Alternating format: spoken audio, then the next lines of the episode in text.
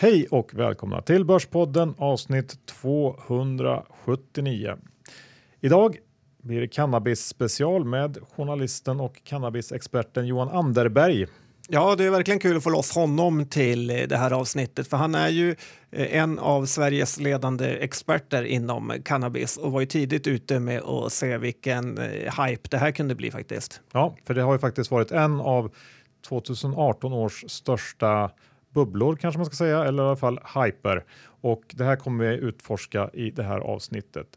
Vi har med oss vår huvudsponsor IG Markets. Ja, det har vi och eh, så här under juletid, ta er tid och följ eh, Erik Hansén både på Instagram, Higher Lows heter han där och eh, på Twitter så får ni några nya uppslag till det nya året som är på väg. Och eh, jag tycker också att man ska slå ett eh, slag för deras handelsplattform.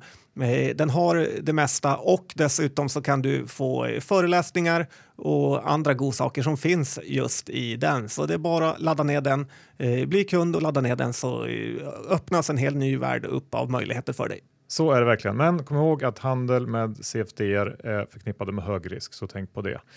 Nu är det dags för veckans avsnitt.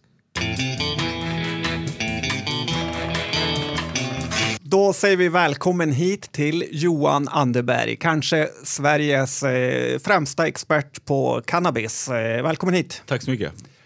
Eh, vad säger du om eh, den här hypen, lite kort bara, som vi haft i Sverige under 2018? Nej, men jag, har all, jag har nog tyckt att den var rätt konstig från början, ehm, av lite olika skäl. Men ehm, jag vet inte, kanske bitterhet för att man missade hela skiten också. Kan du inte berätta lite mer om dig själv eh, först? Då? Jag är journalist. Ehm, jag jobbade på Fokus i sju år fram tills för ett år sedan ungefär. Och nu skriver jag för Expressen och lite för Affärsvärlden. Mm. Och du är här för att, för att du eh, var ju ganska tidig med att börja utforska det här området, cannabisbolag och hela trenden med legalisering. Du skrev en bok 2011 va? om Ja. cannabis eh, business. Mm. Cannabisness. Precis. Eh, vad, vad fick dig att göra det? Eh, ja, men då jobbade jag i USA och skrev lite reportage för eh, eh, svenska och eh, skandinaviska tidningar. Så eh, märkte jag att det här var, liksom, folk var jävligt intresserade av det här. Och när det var faktiskt Dagens Näringsliv som kom på den titeln när jag skrev ett långt reportage om den här, hur branschen såg ut i Los Angeles. Och så hade de ett, liksom, skrivit cannabis på, på ettan. Och då tänkte jag att det här är en rätt rolig, rolig idé. Liksom. Så började jag spinna vidare på det. För att det var, det, det var i, i Kalifornien som det tog fart först eller såg det ut i USA? Ja, alltså det är väl där eh, det har börjat tidigast. Liksom. Alltså både själva kulturen men också de här första små legaliseringarna. Först var det ju medicinska marijuana som blev tillåtet. Och sen, och sen hade de en rätt uppmärksamma undersökning som jag följde i boken 2010 som förlorade knappt. Så om, de, om den hade gått igenom så hade det blivit den första delstaten i USA. Kan du inte berätta lite kort om eh, vad cannabis är för typ av eh, drog också, så vi så, får eh, det klart? Alltså det är lite känsligt. Nu, nu är det lite lättare i sådana här sammanhang, men när man är med i tv och radio så är det ju lite svårt. För alltså, man, Det enklaste är väl att säga att det är som alkohol. Det är jävligt farligt för små barn och helt okej för vuxna. Och de flesta klarar av att hantera det. Okej, varför eh, är det så farligt för småbarn? Nej, men det, det påverkar ju hjärnan på samma sätt som alkohol. Kanske till och med ännu värre. Eh, men eh, om jag ska vara helt ärlig så tror jag många vuxna mår nog ganska bra av att eh, konsumera lite marijuana, lite då. Hur ofta provar du det själv? Ja, men det är väl rätt sällan. Det är väl kanske någon gång var tredje månad skulle jag gissa. Det, det är rätt svårt eh, i min ålder att hitta cannabis. Men, men eh, det finns ju, det finns ju liksom, om man tittar på, på de här bolagen som finns och liksom den här den här branschen som växer fram så finns det ju man säger, två liksom ganska olika delar av det. finns ju dels den här medicinska tillämpningarna och sen den här mer eh, rekreationella eh, användandet av, av marijuana. Vad, vad, kan du liksom gå igenom de här två olika delarna?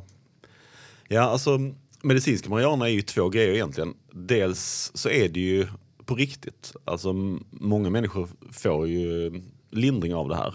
Ehm, det finns ju läkemedel i Europa, Bedrocan och Sativex och sådär som, som verkar funka. Men eh, medicinsk marijuana var också ett sätt för unga och politiker att Eh, legaliserade legalisera det i smyg i Kalifornien och massa andra delstater. Så, så det var ju lite fake i Kalifornien. Alltså de man känner som bor i Los Angeles, de kunde ju få det för att de hade liksom skrivkramp och eh, liksom alla möjliga indikationer. Jag läste någonstans att eh, eh effekten är ungefär som att ta två magnesyl eller Ipren eller liknande. Så att, är det ett liksom scam att det har någon som helst medicinsk hjälp? Nej, alltså det jag har läst är att alltså, det får mig att tro att det ändå finns väldigt många positiva effekter av det. Framförallt um, de som liksom är, håller på att dö av cancer verkar det ju vara väldigt... Just för att det... Jag vet inte vad er erfarenhet av marijuana är, men det, det, det, ökar ju verkligen aptiten. Och det är ett problem när man går igenom cellterapi och sådär, att aptiten minskar. Så det, de jag har träffat, det är väl det som är det, det som funkar allra bäst. Okej, okay, så ingenting för de som vill gå ner i vikt med andra ord? Nej, det tror jag inte. Det finns nog annat. Men, men, hur har hela den här liksom, eh, legala biten sett ut om man tittar runt om i världen? För nu har det liksom, framförallt kanske Kanada och, och, olika delstater i USA har man börjat liksom luckra upp. Men hur, hur ser det ut på ett mer globalt plan? Vad, vad händer och vad har hänt? Alltså det är, jag tror det är 20 länder som har legaliserat medicinsk marijuana och sen är det ju egentligen bara Uruguay tidigare som har legaliserat det helt och hållet. Um, så det här med Kanada, man förstår ju att det blev en hype kring det för det är första gången ett riktigt rikt land uh, legaliserade med en väldigt stor marknad själv och framförallt kanske en extremt stor marknad eh, strax söderut som jag tror lite ligger bakom den här hypen att, att de kanske ska få någon slags försprång när USA tar det här steget. För, det, det, var väl, hur, hur Kanada legaliserar helt i år eller hur ja, ser det ut? i oktober. I oktober. Okej. Okay. Hur många skulle du säga använder det på, eh, liksom, ja, ofta, ungefär som alkohol i Kalifornien och Kanada? Alltså Kalifornien och Kanada är det nog lite mer än i liksom, övriga delar av västvärlden. Men eh, jag tror det var, alltså, man bruk, brukar säga att ungefär 2-3 procent av världens befolkning konsumerar det regelbundet. Sen kan jag tänka mig att det liksom går upp lite grann om det skulle vara legaliserat överallt. Men, ja, men så det är en ganska stor marknad, liksom ingen extrem marknad. Om man tittar på Europa, då, vilka länder har kommit längst? Eh, Holland antar jag. Eh, har vi något annat land som är långt eh, framme med legalisering? Ja, alltså Tyskland och nu Danmark då vid årsskiftet. Ehm, men Holland är ett speciellt fall för där man kan ju tro när man är där att det är lagligt, men det är olagligt att producera det fortfarande i Holland. Så man brukar säga att bakdörren till affären är olaglig, men framdörren är laglig. Så att det, ehm, det görs ju fortfarande på polistillslag och sådär i Holland. konstig liksom, dubbelmoral på något Ja, sätt. jo men det där är lite ovanligt för svenskar för vi gillar ju att följa våra lagar men i många länder så är det ju lite så flytande vilka lagar man väljer. Och, alltså som i USA är det ju mega olagligt på federal nivå men Obama sa ju bara att eh, vi ska inte eh, liksom, ha, ha massa stora åtal på det här. Och, och sen blev det liksom maktskifte och då blev ju folk oroliga att det skulle hända massa grejer.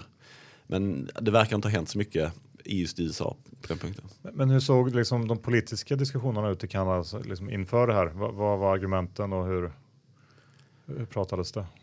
Alltså jag följde inte specifikt just Kanada, men det brukar vara liksom alltid samma grej. Att polisen ska ha liksom, eh, att polisen lägger så mycket resurser på det här och de har liksom mycket bättre grejer att göra än att, än att jaga vuxna människor som intar en drog som egentligen inte är särskilt mycket farligare än alkohol. Hur mycket eh, svarta pengar eh, och eh, liksom maffia sponsrar man genom att handla cannabis? Är det, får man en positiv effekt av att legalisera det på, på den biten?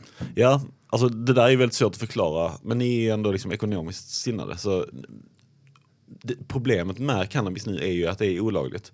Alla vinster går ju till den illegala sektorn. Men om man skulle legalisera det så skulle det ju vara vilka företag som helst som tjänade pengar på det här och betalade skatt. Och, och, det, och det är ju egentligen det allra starkaste argumentet för en legalisering.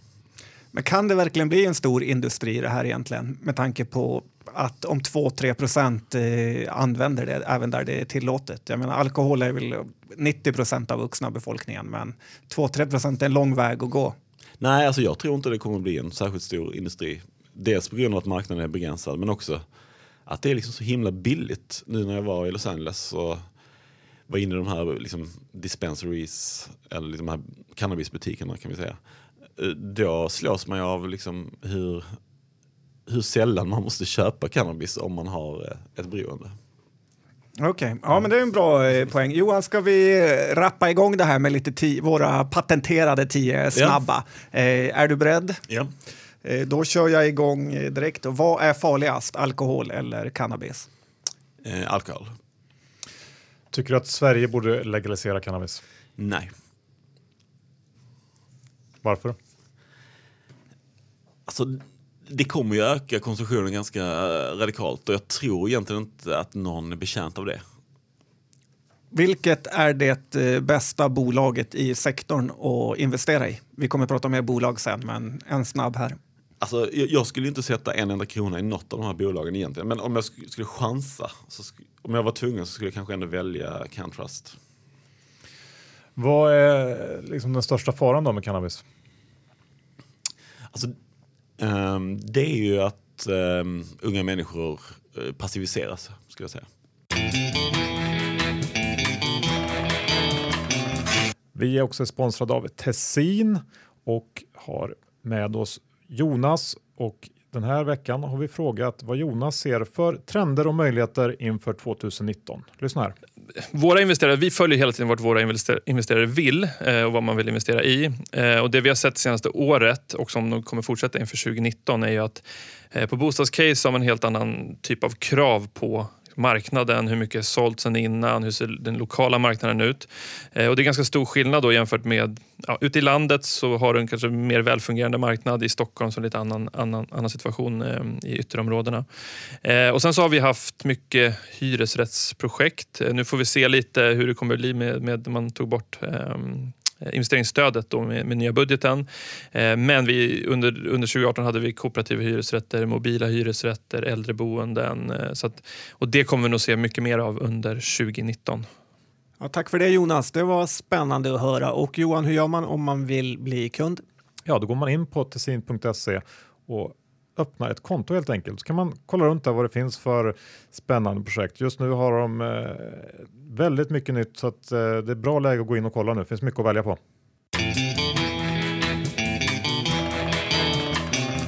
Eh, kan vi gå över till det vi alla är lite intresserade av och snacka bolag, eller hur Johan? Ja, absolut. Vi kan väl börja med det kanske svenska, eller danska är det ju då, men notera att eh, det här hypade bolaget eh, Stenocare, det har över 2000 mm. ägare har gått upp rätt eh, ordentligt. Vad, vad säger du om Stenocare? Alltså det är verkligen en chansning skulle jag säga. De har ju fått den första licensen att eh, sälja medicinsk marijuana i eller ja, medicinsk, eh, någon slags olja är det väl, eh, i Danmark. Och eh,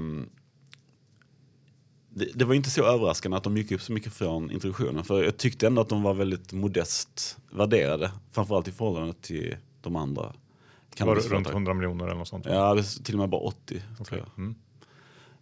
Um, och, um, men, men, samtidigt, jag vet inte ens om de ens har sålt en enda droppe än så länge. Så, så det är ingen som vet liksom, vad som kommer för, hända. För I deras fall bygger det på att läkaren ska skriva ut. Uh, ja, precis. Är det deras egna liksom, produkt eller liksom säljer de till, till Nej, de, de, som... de håller på att bygga upp en produktionsanläggning. Det är väl det de ska använda de här pengarna till mm. som de fick in i IPO. Men eh, de ägs ju till 19 av Cantrust som eh, liksom Eh, som skickar eh, det, det, första cannabisen till dem. Mm. Så det är väl ett ganska liksom, smart upplägg för båda parter. Så det är lite därför som jag trodde mest på Cantrust kanske. Okay. Det här med Danmark, är det, liksom, det är de ledande inom Skandinavien då på, inom eh, cannabisområdet som de alltid varit ja. med Christiania och allt. Jo, men många av de här kanadensiska stora cannabisföretagen har ju satt upp eh, liksom, verksamhet i Danmark nu också. Jag tror egentligen att det beror mer på jordbrukstraditionen. De, de är de är ganska entreprenöriella i sin jordbrukssektor. Jag tror att det snarare har med det att göra än att eh, det finns massa haschtomtar i Christiania några mil bort. Men, men när man letar bolag inom den här sektorn, är det liksom, eh, ska man titta då, tycker du, på bönderbolagen, alltså de som odlar eller de som säljer eh, till direkt till konsumenter? Eller var, vart ligger pengarna i förädlingskedjan? Alltså, för att använda en klyscha skulle jag säga att de som säljer spadarna är de som skulle kunna tjäna pengar på det här. Um, till exempel, det finns en rate som en så här, uttalas rate, ja, eh, som säljer, ehm, eller som hyr ut ehm, liksom, odlingslokaler till de här företagen. Så det är möjligt att det skulle Alltså för, om, jag hade haft, om, om jag hade varit agronom eller haft ett jordbruksföretag, då hade jag definitivt startat en cannabisodling. För det finns ju sådana sjuka marginaler i sektorn nu. Men jag tror egentligen inte att något av de här företagen som finns på börsen kommer att tjäna så mycket pengar om tio år. Men, men eh, jag antar bara att det borde inte vara jättemycket svårare att odla cannabis än att odla något annat. Liksom, vad som helst, något spannmål eller... Nej, och det är det som är problemet. För Så att det finns ju ingenting som egentligen pek, Marginalerna borde ju försvinna snabbt. Ja, eh, och just nu när jag läste Auroras eh, senaste rapport så hade de väl pressat ner kostnaderna att producera ett gram till 10 kronor. Vilket är ganska imponerande. Och de säljer det för 50 kronor. Men när jag skrev min bok i alla fall så eh, berättade de här professionella odlarna att det var ganska lätt. Eller liksom, det var ungefär som att odla tomater.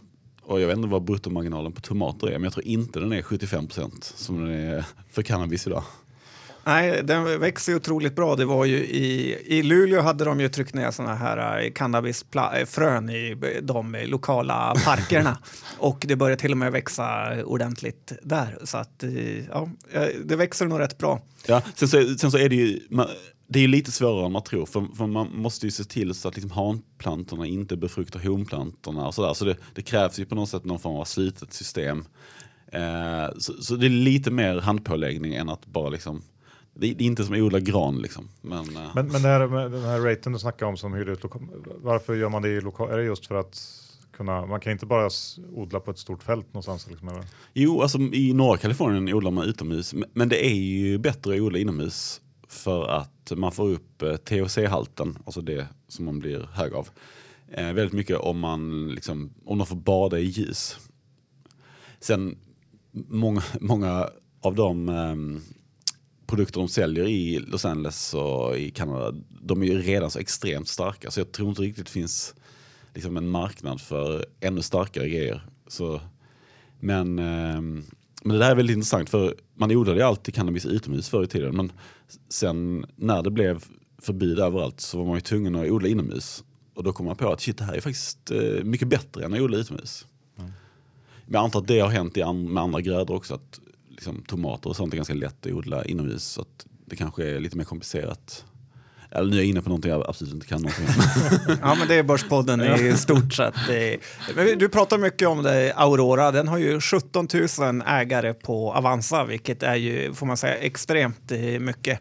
ja. Eh, Kan du inte berätta om det här bolaget? För att det är ett av de mest ägda av dem alla.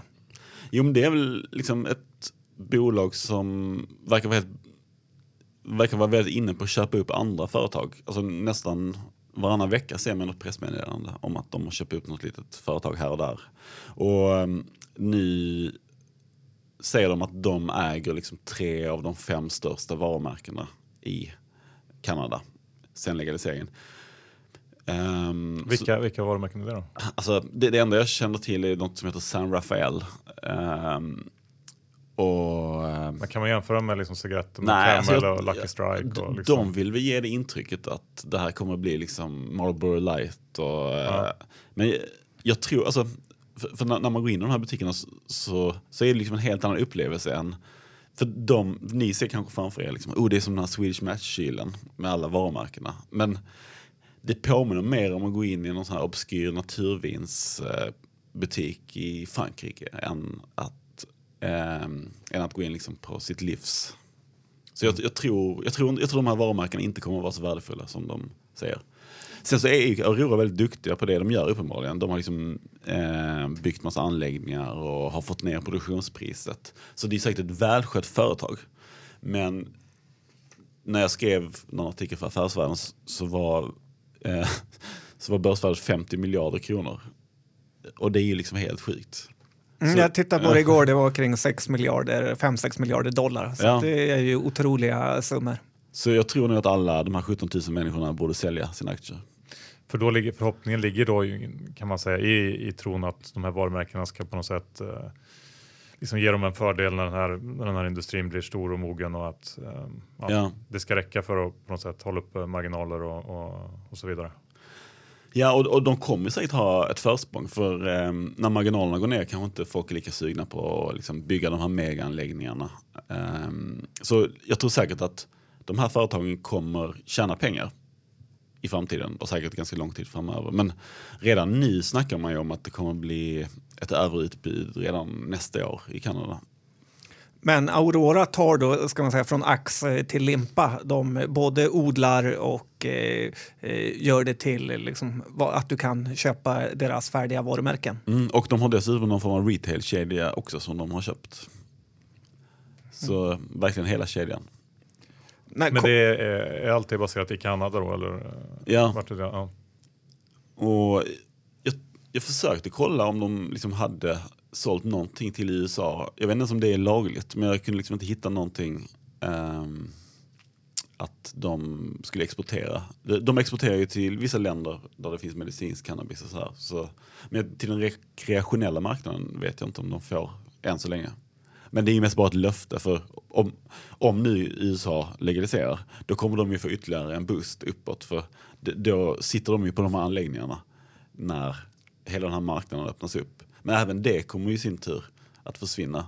För tänk liksom när amerikanska företag får lov att göra det här. Då är det inte så kul att vara med. Men varför tror du att det är så många svenskar i ett liksom relativt eh, droghatande land letar sig till den här typen av investeringar? Jag menar, det är ändå imponerande att 17 000 pers har hittat till Aurora. Ja, men det, det är väl en ganska, på ett sätt är det en ganska bra analys. För, för jag tror att det finns nog ofta pengar att tjäna i bolag som är i branscher som är lite så här politiskt känsliga. För då är det väl, alltså jag, då är det väl massa riktiga investerare som inte får lov att investera i bolag som kanske är bra egentligen. Men eh, i just det här fallet så, så tror jag man kanske inte riktigt har tänkt hela vägen.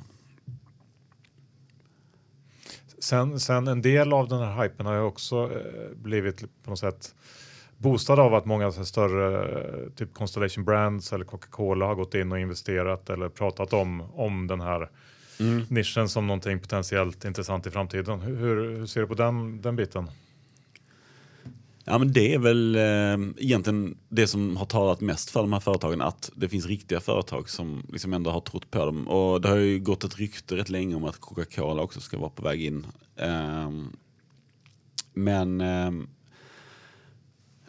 just i den här branschen verkar det ju vara att jag vet, i USA är det ju alltid någon ny, någon ny substans som ska in i varje liksom, läsk. Liksom det är så stevia eller eh, liksom potassium eller liksom vad, vad fan som helst. Men, eh, så, och nu är det rätt mycket snack om det här CBD som också är en substans från cannabis som, är, som gör att man blir lite avslappnad och att man inte blir mindre illamående och sådär. Så jag tror att de tror att det här skulle kunna bli nästa, nästa grej man stoppar in i läsk. Alltså lite som, jag vet inte alltså lite som att nästa Red Bull typ.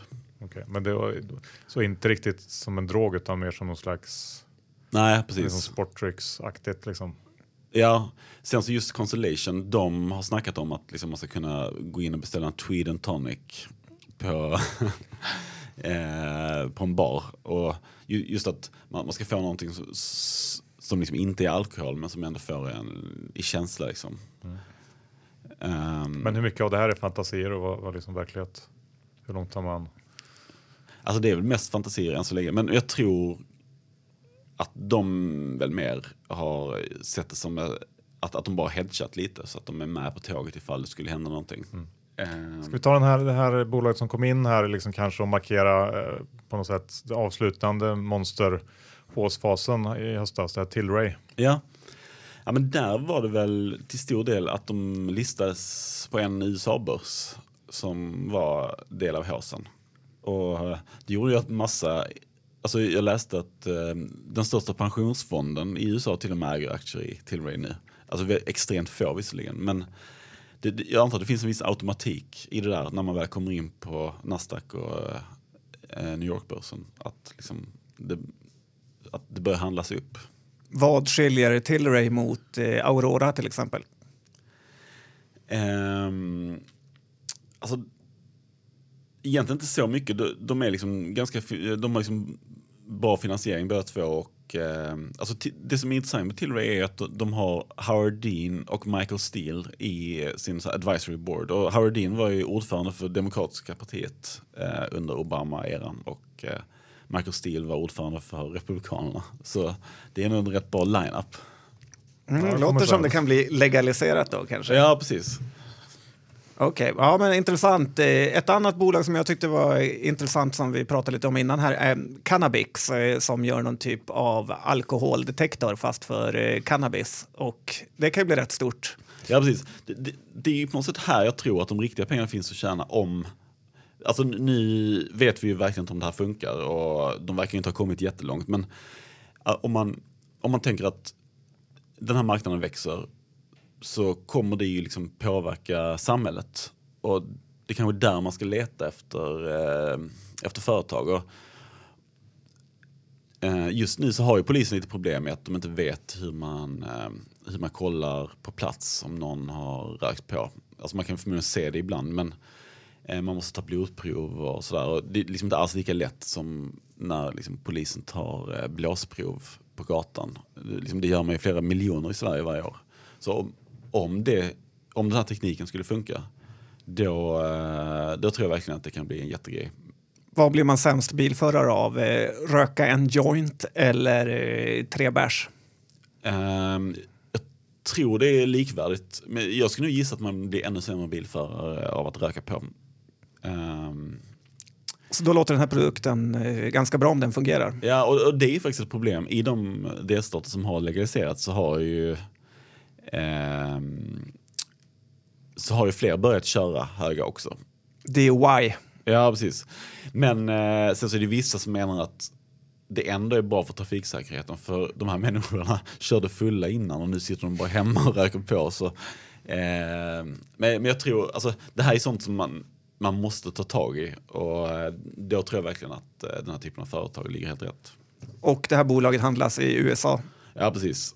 Men som sagt, jag har ingen som helst aning om det här bara är fake eller om de har en teknik som funkar eller om de liksom är på väg att sälja de här till liksom 8000 polismyndigheter i hela Kalifornien. Alltså, ni fattar, det är ju helt omöjligt att veta om man inte... Men, men jag vet att det fanns ett svenskt eh, företag som höll på med en liknande produkt när jag skrev den här boken. Och den har inte kommit hit, så det är förmodligen ganska komplicerad teknologi. Mm.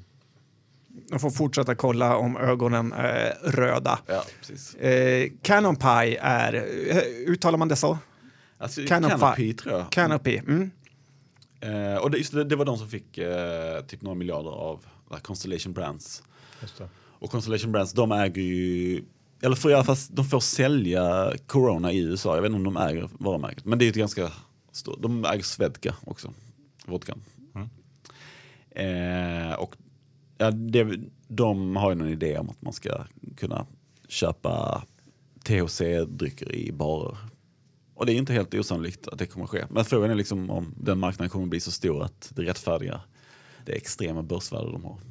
Du är betydligt mer negativ till eh, både sektorn och själva drogen än jag trodde att du skulle vara innan du kom hit. Eh, du, låter, ja, du är väldigt baissig. bäsig här. Vad säger du om det? Men Jag tror att många på något sätt likställer det här med när, eh, under IT-bubblan. Att eh, det var liksom en bubbla men ur den här bubblan kom det vissa företag som blev liksom megastora som Amazon och Google och sådär. Men grejen är att det, det är liksom inte alls samma dynamik för när eh, i, under i, alltså, de här digitala företagen, de har ju sån enorm skalbarhet som inte alls finns i den här branschen.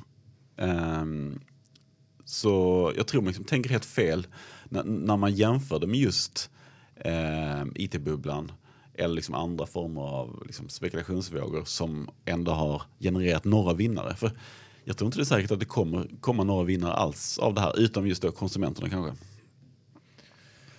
Men eh, jag antar också att en stor del av hypen bygger på något sätt på att man tror att det kommer fortsätta och liksom att det, ja, fler och fler länder kommer legalisera och att det inte tar stopp här bara. Eh, samtidigt så ser man många som säger att ja, men, ja, det kanske inte är farligare än alkohol men behöver verkligen en till mm. alkohol. Liksom. Eh, finns det, kan det här ta stopp liksom och bara nej men det här var ingen bra idé, vi, vi rullar inte ut det här på fler ställen? Ja, men jag tror att det kommer legaliseras på sikt nästan överallt i hela världen. Eh, som inte är liksom religiösa diktaturer. Eh, så om det där händer snabbt, då tror jag att de här kanadensiska företagen nog kan ha några år av jävligt fina vinster. Liksom. Men eh, just eftersom de har haft sånt försprång och, och in, inte bara försprång i, liksom i kunnande utan också försprång i finansiering. För det är ju problem för massa andra företag att få finansiering eftersom de är lite halvt olagliga. Sådär. Så det, det finns säkert någonting här.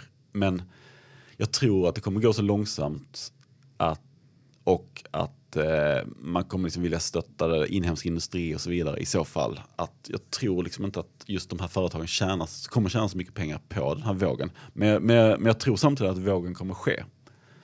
Och jag tror det kommer ske i Sverige också, men kanske inte förrän om liksom 40-50 år. Nej, det är ganska lång sikt ja. om man pratar eh, börsen i alla fall ja. som är kvartalsstyrd. Hur, om vi bara avslutar med någon slags framåtblickande syn också. Vad, vad, vad, vad liksom närmsta året? Vad kommer hända inom? Finns det några stora events man, man väntar på eller händelser? Eller? I USA, där kan det hända väldigt mycket. Um, framförallt med alla val och, och det är ju liksom små folkomröstningar överallt i alla mm. delstater. Mm. Så där tror jag, men, men det stora är väl om det på federal nivå blir lagligt. Uh, då kan det verkligen hända grejer. Mm. Uh, men det är inte säkert att de här företagen kommer bli de som tjänar på det då. För då kommer det säkert vara någon period, någon uppstartsfas på ett par, liksom, åtminstone ett par år som, eh, som gör att liksom, amerikanska företag kommer att liksom, eh, kunna förbereda sig på det. Ja, det låter rimligt. Bra Johan, men då har vi fått en, en eh, bra sammanfattning av läget och um, om man ska tro dig så känns det ändå som att man ska vara lite försiktig med de här aktierna. Och, ja, uh, absolut. Ja. Bra, tack för att du kom till Börspodden. Tack så mycket. Tack. Slut på avsnitt 279. Tack för det Johan Anderberg, mycket intressant. Ja, faktiskt. Det är ju fantastiskt vad många svenska investerare som har letat sig till det här området. Så jag hoppas det här hjälpte till att guida dem så att eh, ja, de vet vad de gör med sina pengar. Ja. Vi tackar vår huvudsponsor IG Markets. Ja, där går du att trada sådana här aktier ska man ju veta eh, via då eh, CFDR och en oändlig massa andra möjligheter till eh, trading finns det där. Ladda ner appen. Vad du vill trada finns där garanterat nästan. Ja, så är det. Men kom ihåg då att handel med CFD är förknippade med hög risk. Vi är också sponsrade av Tessin, vilket är kul. De är duktiga gör, en riktig uppstickare inom fastighetsbranschen och just nu finns det väldigt mycket spännande projekt på deras plattform så att eh, jag tycker att om du inte har kollat in den så gör det. Tessin.se. Passa på att öppna ett konto och testa helt enkelt. Ja, jag har gjort det. Jag är nöjd. Det är kul att verkligen kunna ta på det man eh, äger. Så är det. Bra, då tackar vi för oss och hörs om en vecka igen. Hej då!